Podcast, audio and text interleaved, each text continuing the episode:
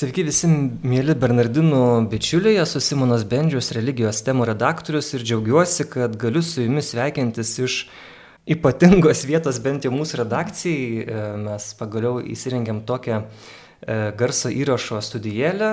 Išoriškai dar kol kas e, yra ką gražinti ir, ir, ir panašiai, tačiau tikimės, kad garsas bus geras ir neįsibėgės vėl tie visi karantinai pandemijos ir galėsim daugiau turėti laidų gyvų su mūsų įdomiais pašnekovais. Na, o e, šiandien e, kalbėsim tikrai labai įdomią temą apie Liudviką ir Zeliją Martenus. Tai yra XIX amžiuje gyveninusi prancūzų pora, kurie dėmesio yra pati pirmoji įsimylėlių pora E, vyras ir moteris e, paskelbti bažnyčios šventaisiais. Ir ne dėl to, kad jie buvo kokie tai kankiniai arba e, dar kažkokiam kitom, dėl kitos priežasties, tačiau būtent dėl to, kad jie vienas kitą mylėjo, šventai kartu gyveno ir rodė tokį paprasto, kasdieniško, gyvenimiško šventumo pavyzdį.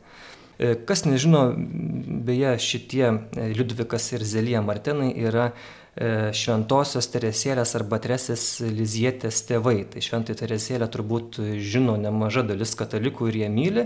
Tai štai apie tėvelius šį kartą e, Teresėlės pakalbėsim. Na, o um, mano pati pirmoji istorijoje viešne šitoj studijoje yra Vilija Tauraitė, Vilniaus arkiviskupijos šeimos centro šeimų bendruomenių koordinatorė. Sveiki. Sveiki. Labai malonu, ačiū už kvietimą. Dėkui, kad sutikot. Ir um, šiaip pasigūglinus jūsų vardą pavardę mes randam ne apie šventuosius tekstų, bet apie BVP, ekonomiką, atlyginimus, vidurkius, visą kitą. Jūs kažkaip labiau su ekonomika buvot susijusi, ar ne? Ir kaip dabar pasikeitė ir, ir tapot na, šeimos centro dabar atstovę?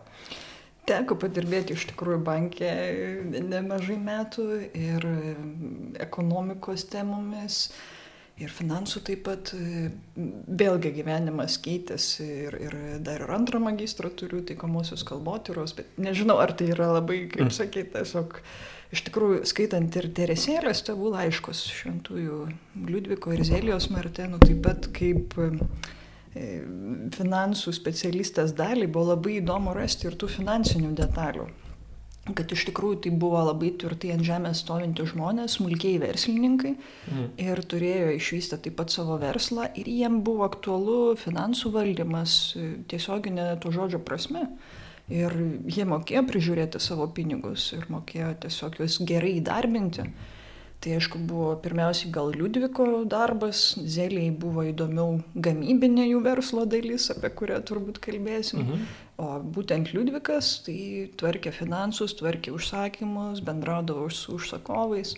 Ir viena detalytė tokia iš Zelijos laiško rašo apie 1870 metus savo broliui Mačiau laikraštyje, kad Vatikanas išleido savo obligacijas, ką tu apie jas manytum, ar verta jas investuoti. Liudvikas sako, neturi aiškios nuomonės šito klausimu, ką tu manytum. Tai, va, tai buvo labai smagu matyti, kad iš tikrųjų visom gyvenimo realijom, kuriuom mes gyvenam paprasti žmonės, vaikščiojantys šią žemę ir jie taip pat gyveno. Ir iš tikrųjų, jeigu kažkas, pavyzdžiui, svarsto, ar dabar verta imti paskolą, kai taip kyla nekilnojamo turto kainos ir taip toliau, ja. tai pagalvojau, kad labai puikų šventieji, kuriuos galima kreiptis užtarimo. Ir iš tikrųjų patarimo, vedimo ir, ir pagalbos. Nes mhm. net ir gyvendami žemėje tuos reikalus išmane puikiai. Mhm. Jo, turbūt gal daugelį, aš labai viliuosi, kad tinklaladę girdės ne tik e, uolus katalikai, bet ir žmonės iš šono. Dažnai mes gal tą šventą įsivaizduojam tokį, kuris, e, na, ir aišku, nemažai tokių yra, kurie ten užsidarė celėje, rašė įvairius tikrai gerus e, tekstus teologinius ir, ir tiesiog, na, šiek tiek buvo atitrūkę nuo, nuo pasaulio, ypač, na, vienuolynai, dar kažkas. O čia mes turime du paprastus žmonės, kurie, kurie realijos, augina vaikus, visa kita ir turbūt tarpusavę, nežinau, barniai konfliktai, nežinau, ar turėjo, paskui paklausiu. Bet, nu, natūralu turbūt visą tai, ką mes visi išgyvenam. Man gal labai gražus pavyzdys tikrai paprastų šventųjų kurių gyvenime nerasim nei ten levitacijos pakilus nuo žemės, mm. ne, nei kažkokių tai didelių gal teologinių traktatų. Rasim paprastą, mums įprastą gyvenimą ir gal kaip popiežius Pranciškus mini tuos šventuosius iš kaiminystės. Mhm. Tai va jie man gal toks būtų gražus pavyzdys iš tikrųjų mhm. tokio gyvenimo. Ja. Tai gerai, tai taigi Liudvikas ir Zelija Martenai, e, prancūzai, e, galim tiesiog nežinau, pradėti gal nuo kiekvieno iš jų atskirai, kas jie tokie buvo, ar ne, mhm. kuo jie šiaip užsiemė. Na, jie turėjo tą šeimos verslą, bet iki tol atskirai jie buvo viengungiai, kurie mhm. abu nesėkmingai bandė stoti į vienuolynus. Ir mhm. Jiems nepavyko ir turbūt, vat, sak, sakytumėm, tokia dievo valia, ar ne, susitiko paskui abu ir turėjo gražią šeimą. Tai nežinau, galim gal pradėti nuo, man kažkaip atrodo vis, kad dažnai toks porose būna kaip ir ryškesni vyrai, ypač mm. ten prieš kelius šimtus metų atgal moteris gal tokios labiau tokios padėjėjos vyram. Čia man atrodo šitoj poroje, kad atvirkščiai yra, kad Zelija tokie, uh. Taip, iš tikrųjų Zelija labai energinga buvo, tokia verslaus charakterio ir matosi iš labai gyvybingų akių, kad tikrai nesėdėjo vietoje. Ir, Taip, ir, mes čia turim tokia... nuotrauką tokią vad gražią. Liudvikas iš tikrųjų, sakyčiau, irgi tvirta asmenybė ir matosi, kad užimanti savo vietą šeimoje, bet gal šiek tiek ramesnio charakterio. Mhm. Ir dėl to trupučiuką atrodo šiek tiek antram plane galbūt. Laiškų taip pat paliko mažiau, Liudviko turime išlikusių 16 laiškų, tuo tarpu Zelijos 216. Mhm. Broliam, broliui, brolieniai, dukroms Tai vėlgi Liudviko balsas lyg kažkiek tylesnis, bet manau, kad jis taip pat labai charakteringas žmogus. Ne? Kaip minėjau, tokio ramesnio charakterio, literatūrą mėgo netgi paauglystiai. Nors kaip pat betrodytų paradoksalu, bet e, kiek rašoma į vienuolyną jo nepriemė dėl to, kad nesisekė lotynų kalbą mokytis. Mhm. Yra palikta ten jo išlaidų knygelę, kurį jis užsirašydavo savo išlaidas, tai matosi neblogai, kad berots per pusantrų metų trečdalį visų jo išlaidų užėmė būtent lotynų ir graikų pamokos. Tam, kad įstotų į vienuolyną? Tikriausiai, bet po to yra ir įrašas, kad tas knygas pardavė. Taip ir baigėsi, o stoti jis norėjo į vienuolyną Šveicarijos Alpėse, e, tą, kur auginami Senbernarai garsieji, kur gelbėjami. Tokiais, e, kaip čia, bačkutėmis. Kur gelbėjami tie paklydę Alpėse žmonės, mm. jam visada toks buvo gelbėtojo instinktas, vis mėgdavo ir iš gatvės kokį girtuoklį parvesti po to jau, ar tiesiog kreipdavo dėmesį jautria širdim į visus nelaimėlius, vargšus ir kažkam, kam gal reikėtų pagalbos. Mhm. Tai va, iš tikrųjų gimė karininko šeimoje, dar turėjo broliai ir tris seseris, dėje, jau būdamas 30, Liudvikas nebeturėjo nei vieno iš jų, visi mirė gana ankstyvam amžiui. Tai jam buvo svarbu draugai, socialus žmogus labai dalyvavo katalikų rateliuose, tokie naktinės adoracijos būri turėjo irgi, kur tada dalyvavo išskirtinai vyrai, atrodo. Mm. Bet e, tiesiog irgi toks užsiemimas e, tikrai labai ryškus hobiai, dėl ko man tai irgi atrodo pakankamai ryškė asmenybė ir stipri. Vėlgi labai akivaizdžiai matosi, e, tarkim, taip daug maldos po to jau viengungiškam gyvenime neįstojus į vienuolyną. Mm geri darbai, gailestingumo darbai, bet ir žvejyba, medžioklė su draugais, biliardas su draugais. Mhm. Kaip minėjau, tie pora bent jau socialinių klubų, į kuriuos eidavo. E, taip pat buvo nusipirkęs tokį bokštelį, namelį kaime, šalia žemugynų ir gervogynų, žodžiu, kur mėgdavo laisvų laikų pabūti vienas, ne, ten skaityti, rašyti perrašinėdavo knygų ištraukas, kurios jam patikdavo, tada juk nebuvo nei kopijavimo aparatų, Aha. nei radio, dar nei televizijos, nei ko kito, tai gal iš tų tekstų paskui perdavė.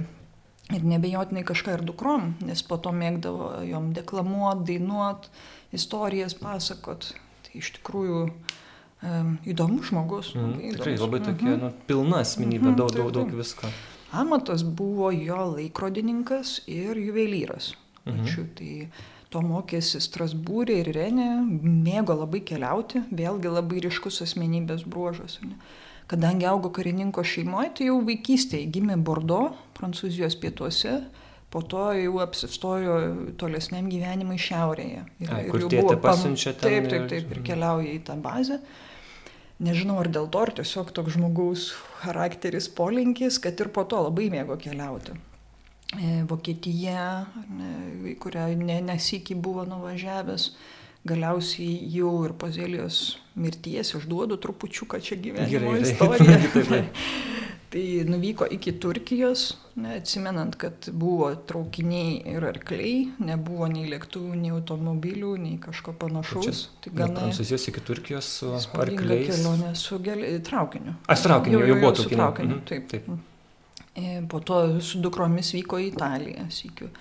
Ir kai vyko į Turkiją, tai rašė dukroms laiškuose, kaip jums ačiū, kad mane išleidot, man taip to reikėjo. Tikrai jo toks žmogus. Oho. Ir, ir mėgo grožį be galo, kaip aš grožiuosi visą šitą gamtą, nuostabu. Bet galiausiai parašo, kad visos šitos grožybės dar yra niekas, nes didžiausias grožis yra Dievas. O. Tai va, tai pasibaigdavo jo. Jo, vyrai, kurie mėgsta tokią vienatvę, ramumą, žvejybą, nežinau, bent jau kiek pat, pačiam tenka susidurti, tai jie dažnai tokiuose ne, vakarėliuose, susibūrimuose taip tyliai savo, ir sėdė. O atrodo, kad prie, prie Liudviko visai tu norėtum prieiti ir pasikalbėti. Ir tu rastum kalbos, man atrodo, ar ne, net ir kad ir būdamas ten skirtingų žmogum su juo. Atrodo, kad jis iš tikrųjų du šitos polius kažkaip jie suderėjo jo asmenybei ir ta vienatvė ir e, buvimas su žmonėmis, nes, kaip minėjau, ir tie du visuomenės klubeliai, kuriuos, mhm. kuriuose dalyvaudavo, galų gale vėliau versle, visos dėrybos su užsakovais, Taip. tikrai toks labai užsidaręs žmogus to nebūtų padaręs. Gailestingumo darbuose galiausiai vėliau, ką matom, tai nesikį ėjo, tiesiog kovojo už tuos vargšus, kad įtaisytų juos į prieglaudą, ten ieškodavo jau dokumentų ar panašiai, tai vėlgi tas žmogus, kuris atstovėdavo ne tik už save ir savo šeimą, mhm. bet net ir už nepažįstamus žmonės realiai. Tai tikrai. Kas turėjo... atrodo ne, nepriklauso. Ar ne? Taip, taip, taip. Mhm. Jo, ir visa tai iš tikėjimo jam uh, buvo paskatinimas? Ar... Iš tikrųjų, tas maldos gyvenimas visada buvo stiprus mhm. ir dar iki sukuriant šeimą, kurią sukūrė beje jau būdamas 35. Čia tais laikais jau čia. Iš tikrųjų, kas įdomu, tai Teresėlės, jei žiūrėsime dar senelius, pavyzdžiui, visai yra būta tokiu atveju, kai santokos nebuvo labai ankstyvos. 35, mhm. netgi 40 metų vienas senelis, tai nežinau, ar čia giminės bruožas, ar, ar, ar kaip. Palauk. Atrodo, kad iš tikrųjų Liudvikui visai tas viengungiškas gyvenimas buvo gana laimingas. Na, iš tikrųjų, mm. ir malda, ir draugai, ir geri darbai, hobiai, ką gal ir šiandien netgi matom šiek tiek daug žmonių net ir neskuba įsipareigoti, nes visai tas gyvenimas. Yra ką veikti, jo. Yra ką veikti, jis pripildytas, tu turi savo darbą amatą, išsilaikai, viskas tiesiog atrodo savo vietose. Bet galiausiai sutiko vis tik Zelija, kuriai tada buvo 27. Na. Ji priešingai negu Liudvikas ne, ir vėliau gyvenime nemėgo keliauti. Visiškai, jeigu išvažiuodavo aplankyti brolio, kuris gyveno už poro šimtų kilometrų, jau rašydavo liudiukui laišką, aš kaip žuvis iš vandens ištraukta, noriu tik namo ir man čia jau nenoriu nei pramogų. Tai atvirkščiai paprastai būna šeimas. Dažniausiai va, vienas A. kitą matyt papildo, kaip ir, kaip ir jų atveju. Tai ji gimė ir netoli Alensono, to miestelio, kur po to ir gyveno visą gyvenimą realiai. Mhm. Turėjo dar vyresnį seserį dviem metais ir jau dešimčia metų jaunesnį brolį. Ir kaip pati po to laiškuose rašo, kurie yra tikrai ir ilgi, ir labai iškalbingi, ir matosi, kad žmogus ir kūrybingas, ir raštingas, ir, ir tiesiog mm, kažkiek net ir intelektualus, sakyčiau, bet mhm. ir didžiuliai praktiniai sugebėjimai. Tokie. E, Tai yra šia laiškuose iš tikrųjų, kad vaikystė buvo nelengva dėl tokios grubios motinos, kuri nemyli ir, ir, ir, ir ypač tom dviem vyresniem dukrom daug meilės neparodė. Broliai mhm. rašo, kad tave tai mama mylėjo, o tą jaunėlį dešimčia metų jaunesnį. O mano vaikystė tai buvo liūdna kaip įkapės. Ir maždaug, kad iki tiek, kad neturėjo net lėlės augdama. Pavyzdžiui, o vyresnė sesuo, gal ir Zelija tuo metu, tai mokėsi skaityti iš apreiškimo Jonui knygos, kuri, kaip žinom, nėra pati, kaip sakyti. Čia gali vaikui įvaryti tokią. Gal neturėjo kitos knygos, tėvai neaišku, bet vis tiek matosi, kad vaikystė tokia nebuvo labai spalvinga ir, ir ir linksma. Tai iš tikrųjų ir po to gyvenime matosi, kad e, gana nerimastingas charakteris, ar ne, ir, ir nerimauti reikia, kaip čia bus, kas, ar ne, brolis mhm. ten išvažiuoja gyventi toliau, jau mes nebepasimatysim gyvenime, ne, ir tokia. Sako, kad daug pergyvenimo atrodo. Ir karštesnio būdo moteris, ar ne? Kaip sakė? Karštesnio būdo moteris jau. Uh... Man toks įspūdis, kad ir Liudvikas iš tikrųjų galėdavo ir tvirtai pasakyti vaikam, ar ne, yra kažkur viename laiške situacija paminėta, kad viena iš dukrų labai užsimanė eiti kažkur ir ten jau irgi verksmai ir visa kita mhm. prasidėjo, tai sako, kol Liudvikas nepasakė griežtai, kad tu neisi, tol ir buvo vis, visa, kaip sakyti, ten ir verksmai ir visa kita. Nu, tai čia normalu, čia jos Bet... su vaikais tenka. Bet iš tikrųjų tikrai labai gyvybinga moteris, kaip matom, tokia. Mm, irgi. Nu, ori tokia labai iš nuotraukos, toks labai savo vertė jaučiama yra, kad čia. Tai jie apie 20-osius gyvenimo metus irgi nuėjo į savo miestelio, Alensonų ar ne vienuolyną, mhm. Vincento Pauliečio seserų, kurios dirbo ligoniniai. Bet vyresnioji pasakiusi jai, kad aš arba nematau tavį pašaukimo ir dar vieną iš paaiškinimų radau, kad lyg daug tiesiog dažnai migrenos būdavo, dar su kvėpavimo kažkokios mhm. lygos sistemos, tai galbūt ir dėl sveikatos nepriėmė, nėra aišku iki galo. Bet, bet taip atsitiko, ar ne? Ir iš tikrųjų jie irgi buvo nu, nusivylimas toksai. Ir ką tada daryti? Ne? O taip mhm. atsitiko. Tai vėlgi gal man šiek tiek nestereotipinis, bent jau kaip įsivaizduojam galbūt dažnai XIX amžių, tai kas įvyko. Zelija atlieka noveną mergeliai Marijai, ką daryti toliau. Ne, ir, ir prie Belspi, melžiant prie Marijos, jai mintis tiesiog praskrodžia daryti Alensono nėrinius, kurie yra toks ypatingas daiktas, dabar netgi UNESCO paveldo sąrašai įrašyta. Tik tame regione, tik tame miestelėje gaminami nėriniai, be galo didelio kruopštumo, gaminami su adata, kurių kvadratiniai centimetriuką pagaminti užtrunka 7 valandas, ten 10 oho, etapų, oho. tai iš tikrųjų mhm. įspūdingas dalykas, matom čia pikaklaitę. A, iš to. Tai, tai, tai, tai. E, tai ji su seserim, dvi moteris, vienai 24, kitai 22, įkūrė savo verslą, nei daugiau, nei mažiau. Pradeda gaminti iš pradžių, iš pradžių pradeda, padeda tėvas e, kažkiek, bet po to jos yra savarankiškai dirbančios dvi jaunos moterys. Ir po to išsivysto iki tiek, kad Zelėje jau samdo 20 darbininkių tam, wow. kad tuos nėrinius gamintų. Tai, iš tikrųjų matosi tikrai talentas verslininko. Startuolį įkūrė. taip, taip. Jo, po ketverių metų maždaug to verslo Zelijos sesuo sugalvoja stoti į vienuolyną ir sako, ką tu darysi, kai aš išeisiu. Zelija sako, aš irgi išeisiu. Ir iš tikrųjų po trijų mėnesių sutiko Liudvika. Tai viena sesuo į vienuolyną, ne, o kita Ištekėjo gana greitai, nes tik susitiko Liudvika balandžio mėnesį 1858 metų mhm. ir po trijų mėnesių susitokė. Trys mėnesiai. Ja, Kaip susipažino? Nelaukia. Gal...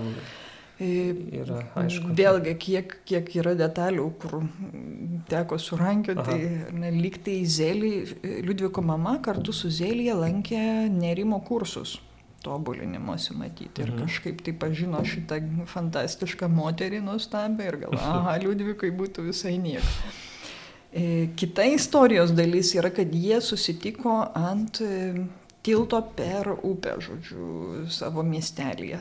Tai taip suvedant šitos du faktus, vėlgi iki galo istorija nutyli šiek tiek, ar tai Liudviko mama kažkaip juos paskatino tam susitikimui, mhm. ar jie gal atsitiktinai ten truputį susitiko. Nežinau, bet e, irgi vėlgi Zėlė rašo, kad širdin lyg balsas koks iš dangaus, šitas, kurį aš tau išrinkau paskyriau. Kažkaip taip, vėlgi iki galo turbūt tų detalių visų romantiškų nesužinosim, bet kaip pats gal pradžioje minėjot, man kažkaip irgi gražu, kad matosi, kad vedybos nėra iš reikalo, bet yra ta meilė, yra kažkoksai net ir romantikos ten lašelis, nežinau, mhm. Vedybos, pagal atrodo tuo metu paprotį, vyko vidurnaktį bažnyčioje, žvakių šviesoj, su kai ten draugais, kaimynai, šeima. Dešimtą vakaro prieš tai susitokė rotušėje, O vidurnaktį bažnyčioje. O įdomu, ja. kodėl vidurnaktį čia kokia čia nelabai įsivaizduoju, nelabai žinau iš tikrųjų, bet tiesiog gal naują gyvenimą pradeda su nauja para, bet čia truputį fantazuoju. Aha. Tai jie susitokė rotušiai Liepos 12 dieną, kuri dabar yra ta diena, kai bažnyčiai juos mini kaip šventuosius, mhm. jų santokos diena. E, kai kur randam parašyta, kad Liepos 13 dieną susitokė, bet kadangi tai buvo vidurnaktį, A, o rotušė tai, jau mhm. susitokė Liepos 12, gal vis tik Liepos 12 labiau, jo labiau, kad bažnyčia minė. Rotušė dėl to, kad mhm. prancūzijai tu privalai pirmiausia, ar ne, tą civiliškai susituokti, o paskui bažnytiškai čia taip. Ko gero, kad taip. Nes, vėlgi, bent jau šiais laikais, nes kitaip mm. kuningas gali baudą gauti, ten, Oho. jo, administracinę, mm -hmm. jeigu vat, tu šitaip eini prieš priešais bažnyčią, nu ten jo. Tai, va, tai, tai vestuvių proga, pavyzdžiui, Liudvikas padovanojo žmonai medalioną, kurį pa, pats padarė, būdamas laikrodininkas juvelyras. Mhm. Rašė vardus, išgraviravo Saros ir Tobijo šitų biblinių personažų veidus, ar ne, ir kažkaip buvo brangi jam ta istorija. E, data, tai va tiesiog, nežinau, ar buvo žiedai tuo metu, kaip, kaip mhm. simbolis mhm. galbūt ir buvo, bet medalionas tikrai buvo, mhm. kurį padarė pats jaunasis, nu taip, kažkaip gražiai. Mhm. Um, tikrai dvi labai įdomios asmenybės ir tiesiog toliau kalbant apie tą jų tarpusavio meilę, jūs kaip ir mhm. minėjot, ar ne, e, Zelija labai daug laiškų rašė, Liudvikas mažiau. O, kas tuose laiškuose galbūt atsispindi apie jų santykius tarpusavio? Ką tokio galim rasti tokio įkvepiančio. Na mes aišku mm. įsivaizduojam, kad e, Čirlionio ir Sofijos laiškai čia gal, čia šituo atveju gal kiek kitaip, bet mm. ar galima kažką tokio vat užčiuopti, koks buvo tas jų sutoktinių santykis? Mm -hmm. Yra vienas laiškas išlikęs, kurį Liudvikas rašė Zelijai, tai iš tikrųjų jaučiasi ir gana santūri tokia raiška, bet ir labai stipri. Ne, pavyzdžiui, rašo mano draugė, ne? Mhm. Bet nors jau jie tai yra žmona, tai jaučiasi, kad, nu, kaip sakyti, tu mano draugė, ar ne, ir toks. Ir apačioje, ar tavo vyras, ar tavo draugas, kuris tave myli visam gyvenimui. Mhm. Ir stipru, bet ir taip nėra kažkokių labai ten saldybių didelių. Mhm. Zelija vėlgi matom, kad išvažiavusi visada rašo Liudvikui, man gera tik su tavim, aš jau noriu grįžti namo. Kažkurį sykį, kai Liudvikas buvo išvažiavęs su, verslo reikalais, kurių turėdavo nuolat ir, ir apščiai, tai rašo apie tai, kad aš sutvarkysiu tavo darbo stalą. kai grįšiu, nerasi nei dulkelės ir va, tai tokios gražios mažos smulkmenos, bet va, parodo ir tą gyvenimą paprastą kažkuria prasme. E, ir dar vienas laišk, laiš, laiškelis Liudviko, kurį rašė dukrom iš kelionės, kur vyko į Turkiją, tai jau po Zelijos mirties rašo, ir praėjo dešimt metų po jos mirties, rašo, kad jūsų motinos prisiminimas nu, tiesiog visur mane lydi. Tai matom, kad nu, nepraėjo ta meilė ir, ir, ir net tiek metų. Ir jis ir, ir jau kitos žmonos jau ir neturėjo iki pat savo mirties. Ne, neturėjo, liko mhm. našlys. Taip dar 17 metų gyveno ir mhm. našlavo tiesiog. Net į kitą miestą persikėlė po to prie Zelijos brolio ir žmonos. Mhm. Tai susirašinėjo laiškais, mhm. kas jau, jau yra mhm. na, gražu ir tą tokį ryšį parodo, ar ne? Mhm. Um, ir jie ir kaip pora buvo tokie, na, ne, ne tai, kad kiekvienas dirbo savo darbus mm. ir ne tai, kad vien tik augino na, vaikus, tačiau jie ir šiaip, na, aktyviai, reiškia, jie padėjo ir toliau, tas noras padėti tam silpnesniam, jiem buvo ryškus ir jie tą darė. Ir čia tiesiog nežinau, jeigu primintume tą tokią labai įdomią istoriją, kaip kaip ypač Zelė, bet, bet ir Liudvikas, e, kaip padėjo mm. vienai mergaitai išsivaduoti tikrai mm. taip nuo apsišaukelių vienuolio. Mm. Įspūdinga istorija ir kadangi Zelė rašo tos laiškus vartimiesiam, broliui, brolieniai, dukrom, tiesiog ten va tos kasdienio gyvenimo detalės, kas jai svarbu būdavo, mhm. tai ir aprašydavo. Ir šis įvykis aprašytas tikrai gana plačiai. Liudvikas ir Zelija iš viso turėjo devynis vaikus, dėja keturi mirė būdami maži, trys visai kūdikėliai, viena dukrytė mirė penkių metukų ir labai skaudžiai jie tai išgyveno. Tai iš viso jie užaugino ir iki suaugusio amžiaus penkias dukteris. Vidurinioji iš jų Leonija buvo tokia truputėlį kitokia, kaip ir, ir kitos dukros sako, visos buvo tikrai gerų intelektinių gebėjimų ir, ir matosi, kad ir protingos, ir išsilavinusios. Leonija vidurinė kažkaip ir charakteris netoks sunkesnis ir, ir į tuos mokslus įtaisyti sunkiai sekėsi, nes išmokslinti norėjo visas, arba vienuolinę, arba samdydavo mokytojas. E, ir, ir raštingumo ten, ir istorija, ir geografija, ir visa kita. Tikrai norėjo, kad dukros būtų kiek įmanoma išsilavinusios. Mhm. Leonija tuo tarpu viskas stringa ar ne, ir į vienuolyno mokyklą neišėjo leisti. Tada jie pradėjo samdyti dvi mokytojas vienuolės miestelėje ir tiesiog vesdavo pas jas, kad jie mokytų. Bet po kurio laiko Zelija rašo, aš pastebėjau, kad mergaitė, kuri gyvena pas tas vienuolės priimta, ne, kai auginama, yra gyva jos mama, bet negali matyti jos išlaikyti ir mokslinti, tai ji gyvena pas jas visą laiką, atrodo nuprastai kažkaip. Ir jai tas įtarimas kilo, bet vis nedrįsta žmogus kažką nei sakyti, nei daryti, atrodo, kaip tu čia įsiterpsi į mhm. kažkokią svetimą situaciją. Rašo, kad galų gale norėjau ir įsitikinti, kas ten tikrai yra.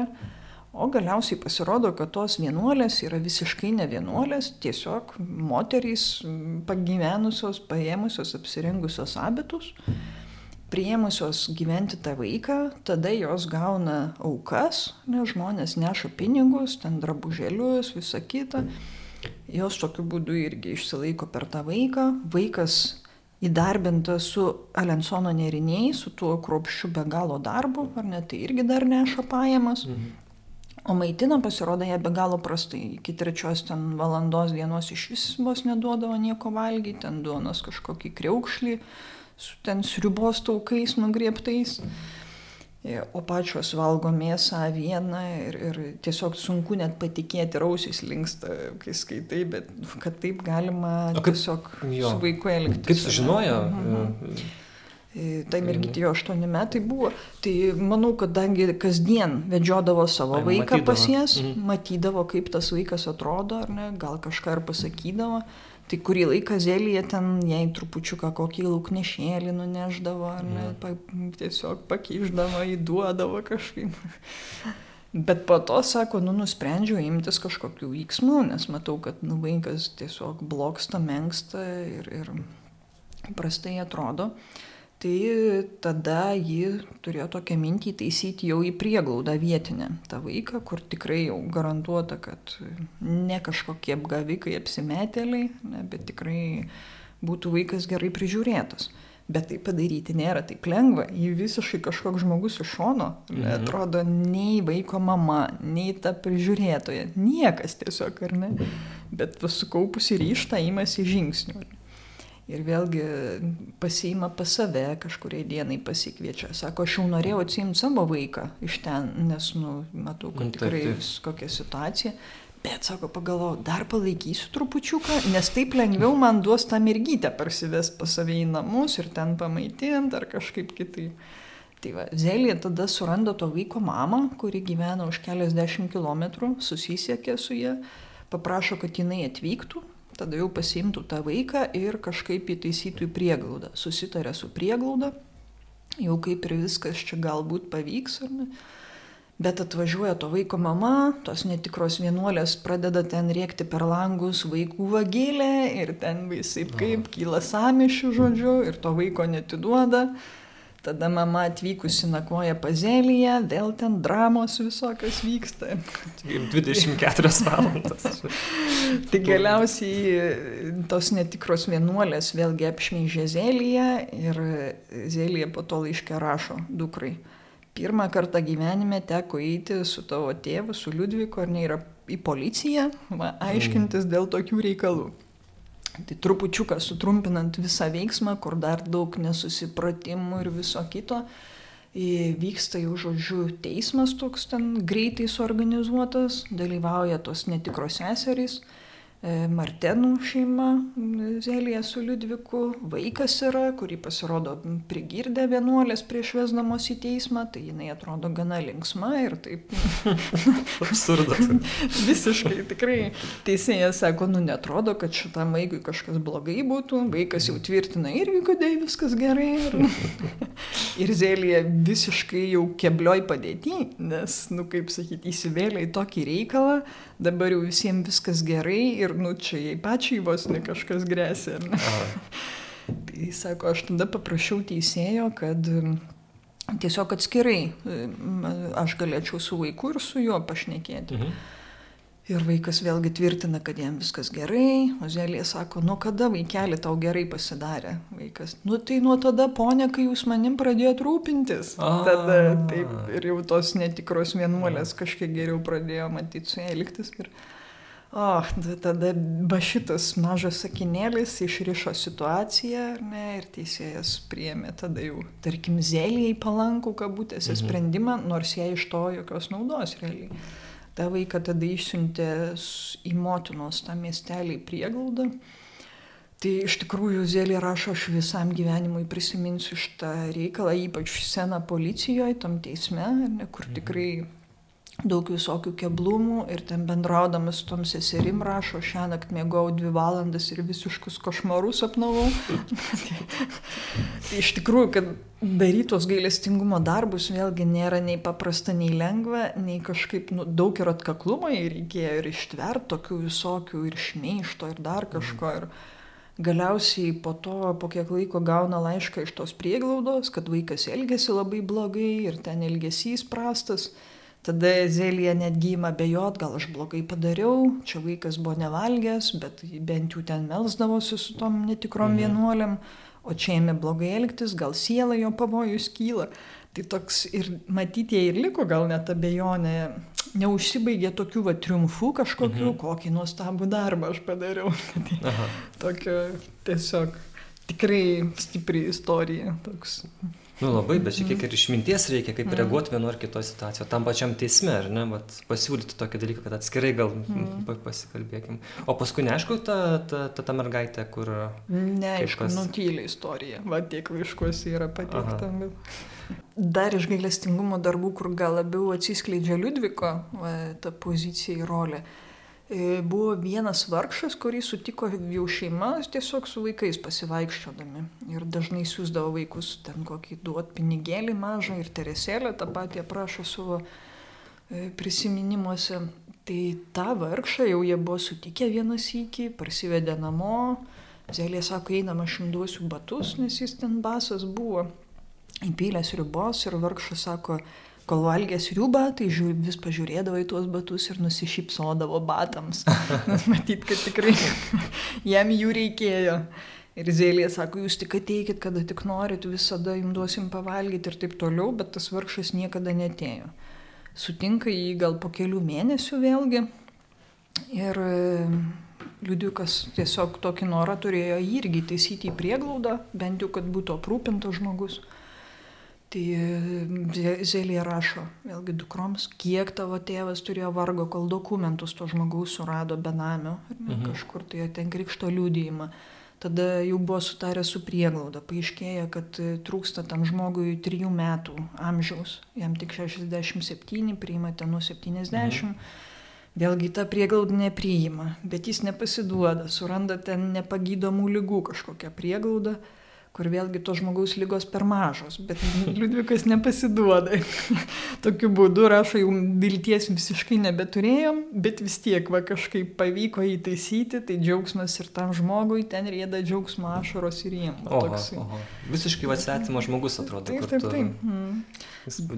Dar labai graži man istorija tokia. Aš tik prisiminiau, mm. susiradau mm. Makrina, Makrina Viečislavska. Miečislavska.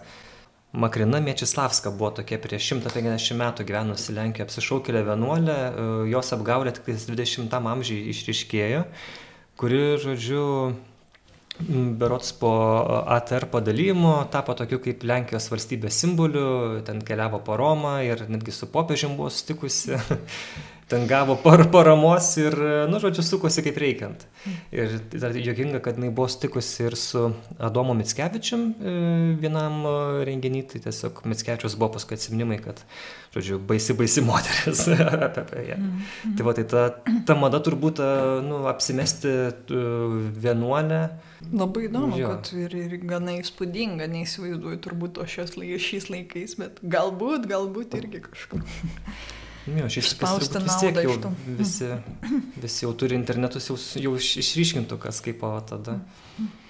Taip, bet jūs e, buvot pradėjusi apie dar vieną įspūdingą istoriją. Dar viena tokia graži irgi mhm. gana, sakykime, tokia iš kasdienio gyvenimo, bet man labai artima net ir šiem laikam, kai matom teismus, kartais ten kažkokius susipjovimus, ar tai dėl žemės, ar tai dėl kažko.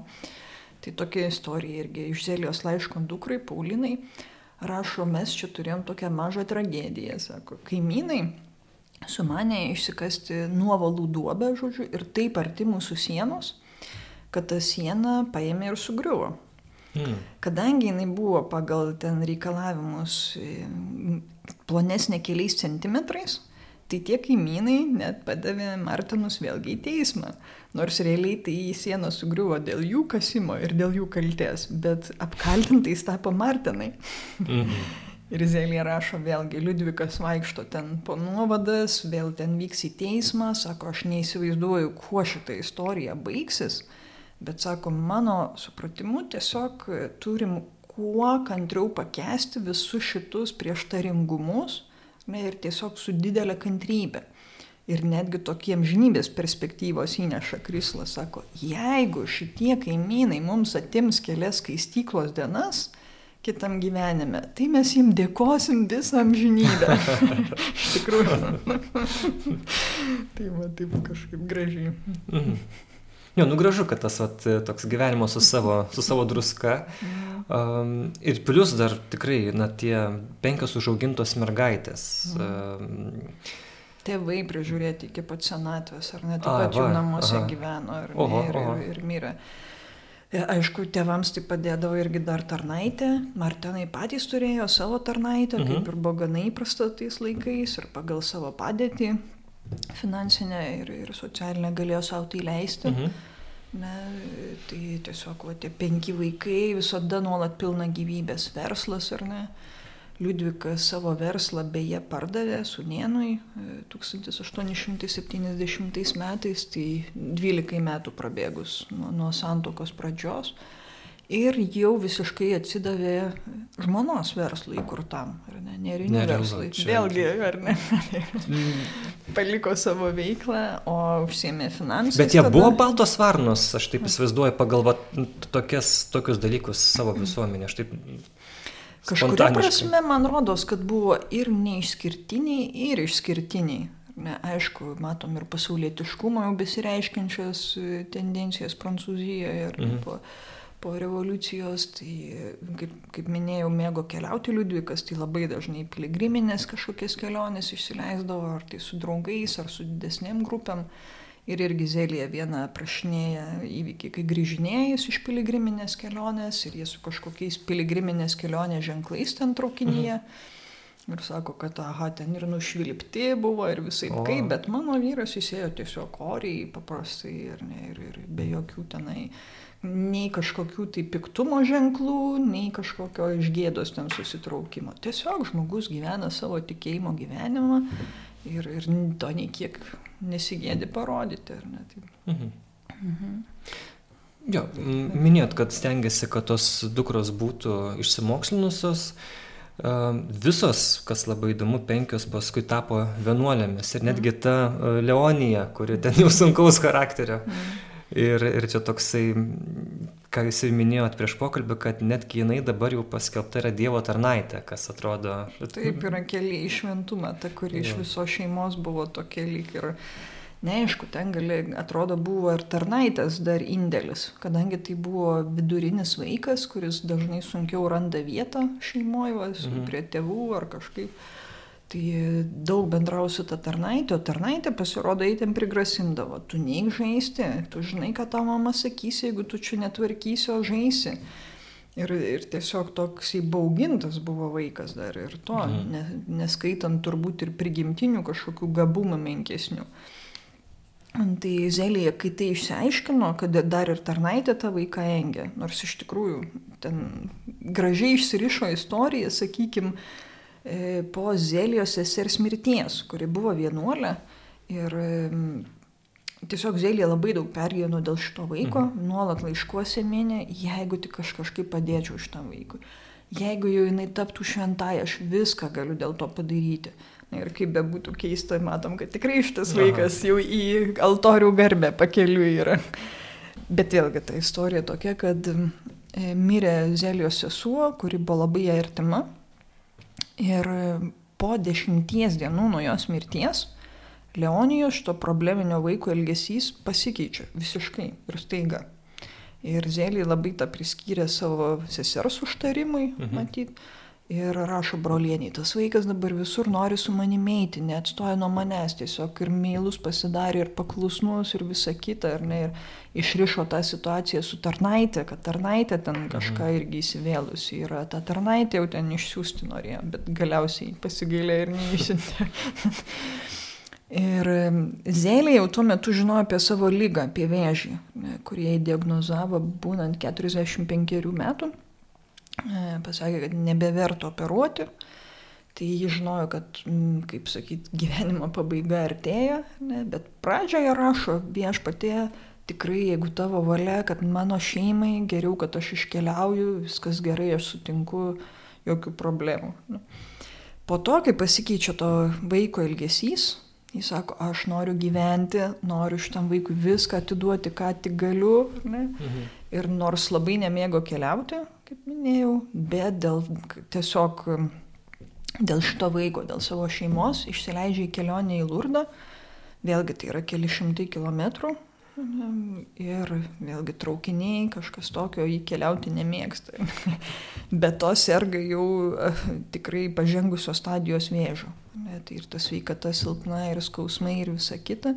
Jie išvažiuoja su trim dukrom, Liudvikas lieka su dviem mažiausiom namie. Mhm. Tai ta kelionė labai sunki, įsivaizduojam su trim vaikais, ar ne, dar pati ligonė, dar ir traukiniai ir visa kita, ir ten be galo susipratimų daug, nesusipratimų daug.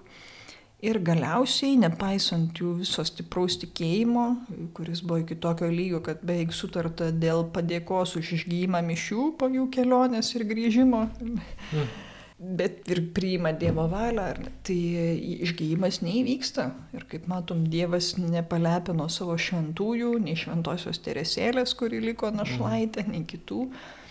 Ne, ir Zelija po dviejų mėnesių po tos kelionės iškeliavo pas viešpatį ir paliko penkias dukrytės našlaitės, ne, nuo keturių su pusę metų, Teresėlė iki septyniolikos, vyrą našlį, kuriam tuo metu penkiasdešimt keturi.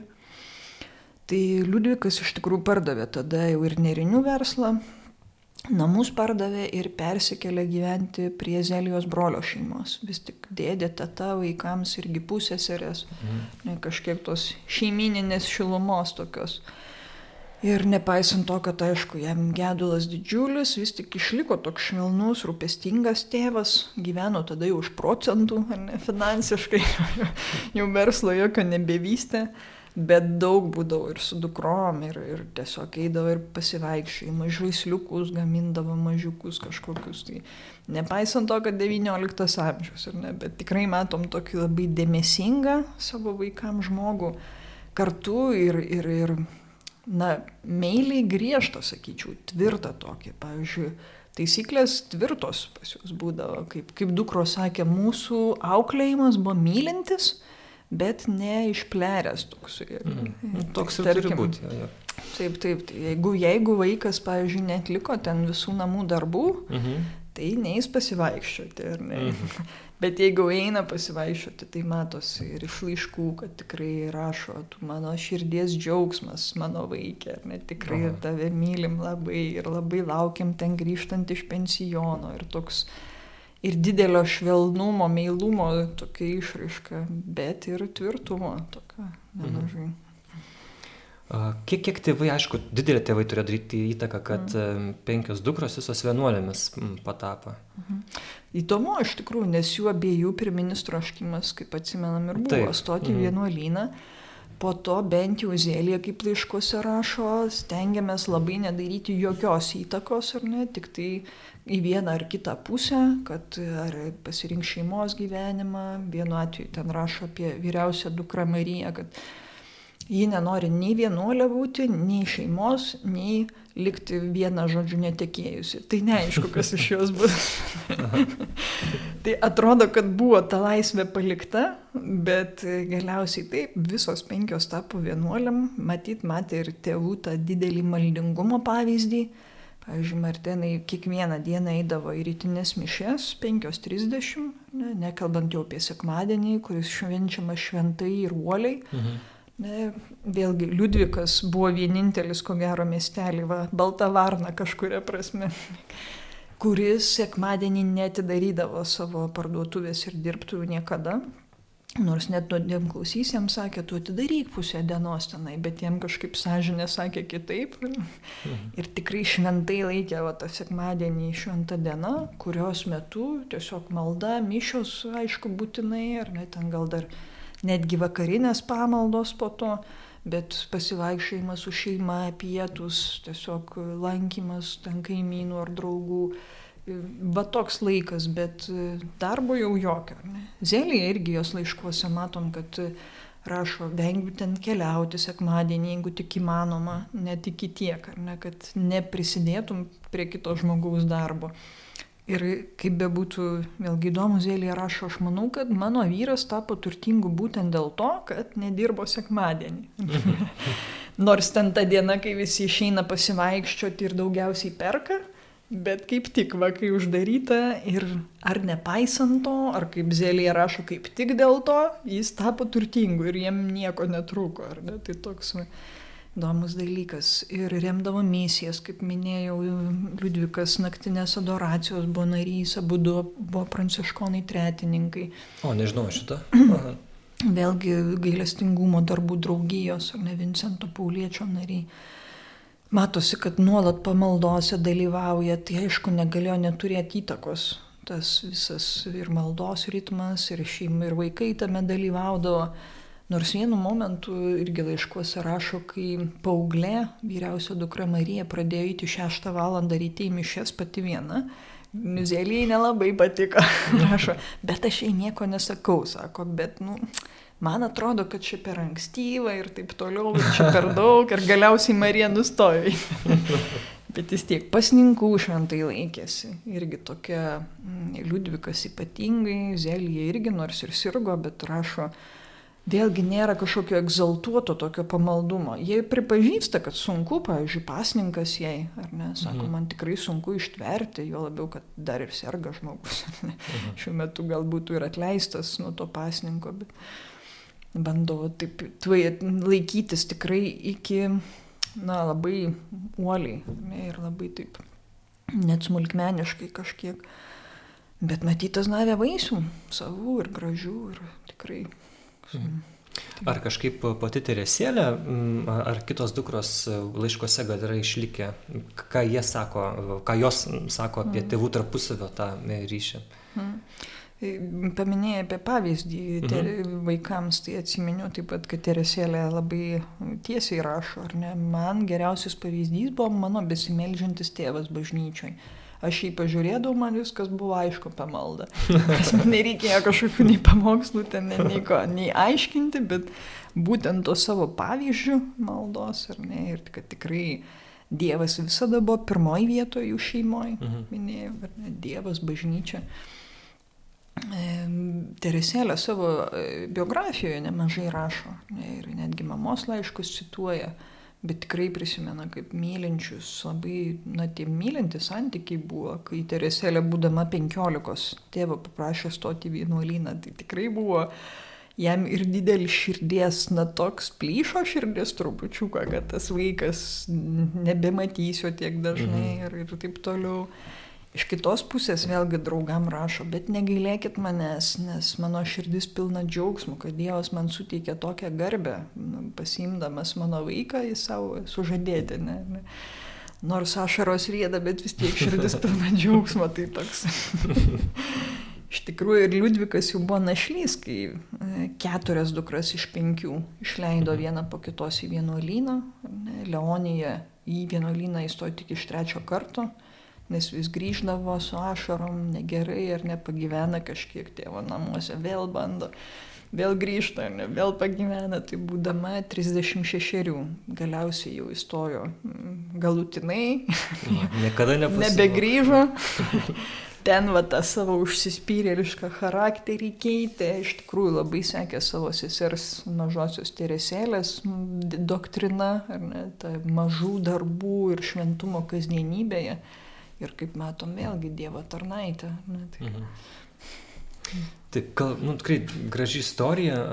Martenų, jie 2015 a, paskelbti bažnyčios šventaisiais ir ten įdomu, kad e, aplenkė vieną italų porą, kuri anksčiau buvo palaiminta, Mhm. palaimintaisiais paskelbta, tačiau prancūzai šį kartą pirmi buvo. Turbūt jų žinomumas vis tik buvo didesnis, bet labai akivaizdžiai matom didesnį bažnyčios dėmesį, va, tiem eiliniam šventiesiam, kurie gal mums tokį artimesnį pavyzdį gali suteikti, ar ne.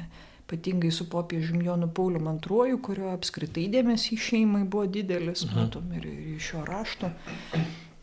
Iš konferencijų, tai būtent jisai paskelbė palaimintaisiais 2001-aisiais vieną italų porą, šeimą, Aloizą ir Mariją Beltram Kvatrokį, kadangi jie, žinoma, jau turėjo stebuklą, kuris buvo įvykęs ne, per jų užtarimą ir todėl buvo beatifikuoti.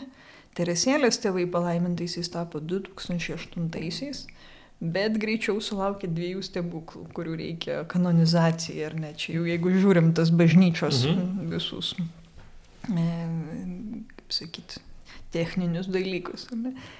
Tai abiem atvejais buvo du maži kūdikiai, kurie pagijo iš tiesiog beviltiškų situacijų Marteno užtarimu. Vienas vaikas buvo neišnešiotas kūdikėlis. Tai tiesiog šitų dviejų atvejų pakako, bet manau, kad yra daug daugiau. Mhm. Apskritai, kodėl buvo užvesta ta betifikacijos byla? Nes na, dažniausiai dėl e, tam tikrų ar ne, žmonių, žmogau, žmonių savybių, e, dėl to tikėjimo, šventumo kelio, ar ne? Ką bažnyčia matė ir mato šitoje poroje? Galvočiau, kad vis tik jų vaiko, jų dukros, šventosios kūdikėlio Jėzaus Teresės, e, tas pavyzdys ir jos paskelbimas šventąją, Mhm. jos atsiliepimai apie tėvus tikrai galėjo būti tas pirmas impulsas.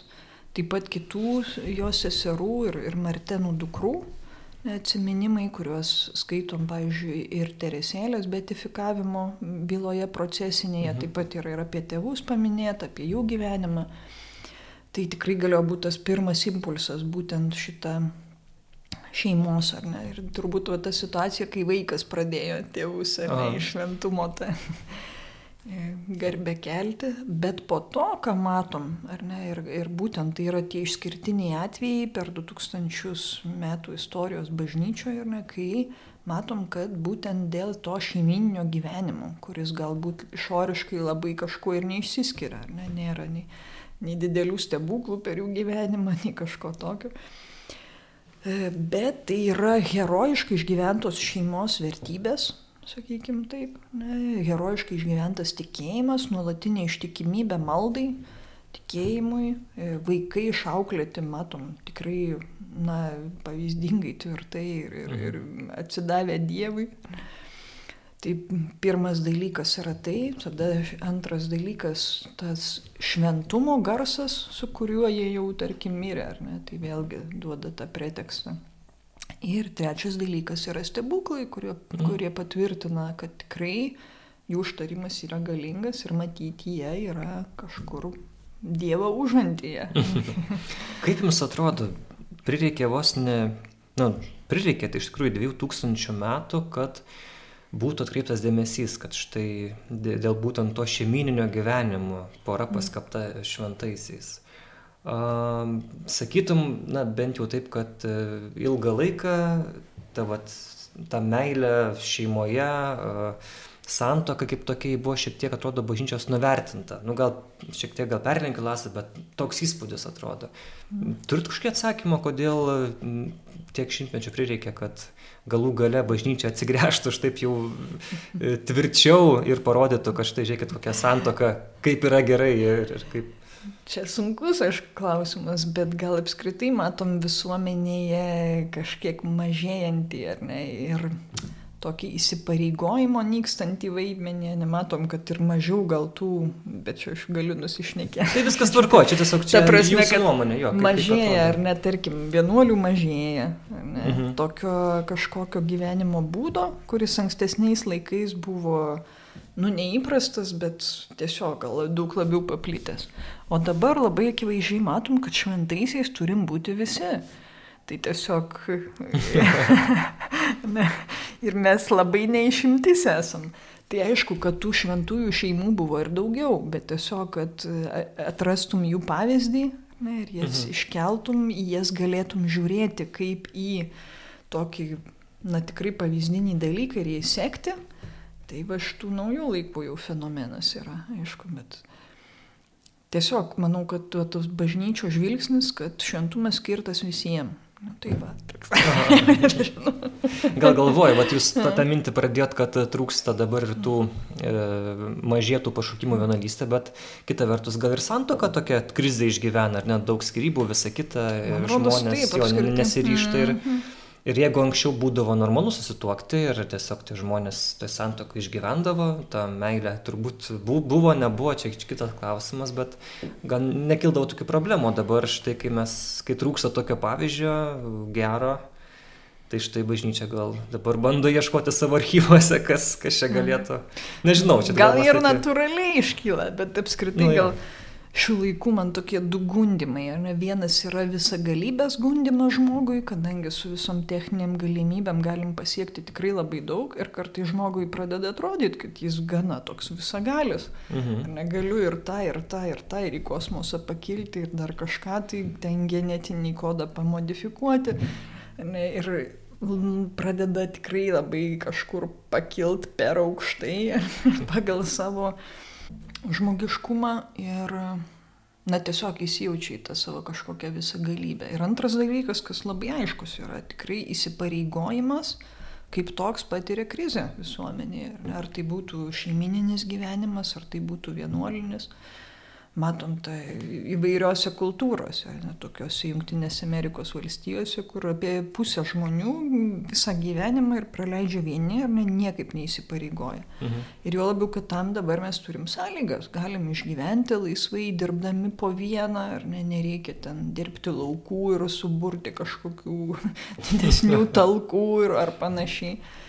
Tai tiesiog du, du tie iššūkiai šio šimtmečio ir iš tikrųjų manau, kad reikia mum įkvėpimo ir tų porų, tų žmonių, kurie gebėjo ir įsipareigoti, ir nešta įsipareigojimą iki galo, kad neprarastume drąsos kažkurio momentu Nes aišku, kad tos krizės ištinka ir mus dabar, ir, ir anksčiau matyt, mhm. nebūdavo visada labai saldu ten ir lengva kartu nu, tai. sutarti ir išgyventi, ir ne visada reikia kažkokio prisiderinimo. Tai tiesiog tie pavyzdžiai, kad e, ir mus padrasintų savo laiku. Gerai, ir tada paklausiu žmonės, kurie nori daugiau pasigilinti į e, Zelijos ir Liudviko Marteno gyvenimą ir uh, Nuo ko pradėti reikėtų? Gal yra lietuvių kalba pirmiausiai? Aišku, prancūzų kalba turbūt yra labai daug visko internete, tačiau vat, žmogui, kuris norėtų lietuviškai susipažinti, ar um, įmanoma už kažko užsikabinti? Lietuviškai kol kas turim tokius mažus gabalėlius, sakykime, daugiau, tarkim, teresėlės e, raštų knygų įžangose, pavyzdžiui, yra parašyta kažkiek apie mhm. jos tėvus, ar ne. Liepos mėnesio Magnificat žurnaliukė yra trumpas straipsnelis apie, jį, apie juos taip pat. Ir ištraukas kiekvieną dieną iš, iš laiškų. Taip, iš laiškų taip jo. pat. Bet man pačiai buvo didžiulis džiaugsmas atrasti, kad tiesiog interneto svetainėje, Kar, Lizija Karmelio archyvose yra pateikti absoliučiai visi e, jų laiškai, tiesiog dar kažkokie raštai prancūzų ir kai kas daugelį, e, daugelį atvejų netgi anglų kalba. Mm. Tai kadangi mes dažnai esam poliglotai. Na, nu, tai anglų kalba jau čia galima. Iš tikrųjų yra kažkas ir lietuvių kalba, bet tiesiog ne, nepažiūrėjau. Aišku, kad tai nebus daug informacijos. Mhm. Kaip galvoti, tai, ne, gal turite kokių žinių, gal kažkas planuojama daugiau iš, išleisti ar parašyti apie... Būtų labai smagu iš tikrųjų, kad Aha. ir tos pačius laiškus išversti, mhm. išleisti. O ko noriu dar labai pasidžiaugti, tai kad Lietuvoje turime šių šventųjų relikvijas. Taip, labai gerai. Krekenavos bazilikoje. Kaip tik šių metų kovą jos buvo paruoštos, e, kurį laiką buvo gerbiamos panevežyje skirtingose bažnyčiose. Ir Liepos 11 dieną jau buvo nuolatiniam gerbimui, kaip sakyti, montuotos Krekenavos bazilikoje. Vėlgi nuolatinis relikvijorius, kiek žinau, dar ruošiamas, bet jau galima ten važiuoti, melstis prie šito šventos poros relikvijų visais šeimos klausimais, jų užtarimo prašant. Taip pat ir jų dukrytės šventosios teresėlės relikvijos taip pat yra tenai. Mhm. Ir labai gera proga aplankyti tas relikvijas, kadangi Krekenavoje e, nuo šeštadienio rūpiučio 14-osios prasideda Krekenavos didėjų žolinės atlaidai, kurie truks visą savaitę iki pat 22 dienos. Tai štai labai taip gražiai susiję. Tai atvažiuokite Krekenavai atlaidus ir ką, linkėjimai kunigui Gediminui. Ačiū, kad mus skaitot, žinau, kad skaitot. Tai tiek, tai dėkui dar kartą, ačiū labai Jums už, už pokalbį. Tai buvo Vilija Tauraitė, Vilniaus arkiviskupijos šeimos centro šeimų bendruomenių koordinatorė. Aš Simonas Bendžius, Bernardinai LT religijos temų redaktorius iš pirmą kartą studijos Bernardinuose, garso įrašų studijos, paklausysim paskui, kaip čia yra įsirašę, ar viskas tvarkoja. Tai ačiū, kad mus skaitote ir, ir mus žiūrite ir klausotės ir, ir remiate, tas irgi yra labai svarbu. Ir iki kitų kartų.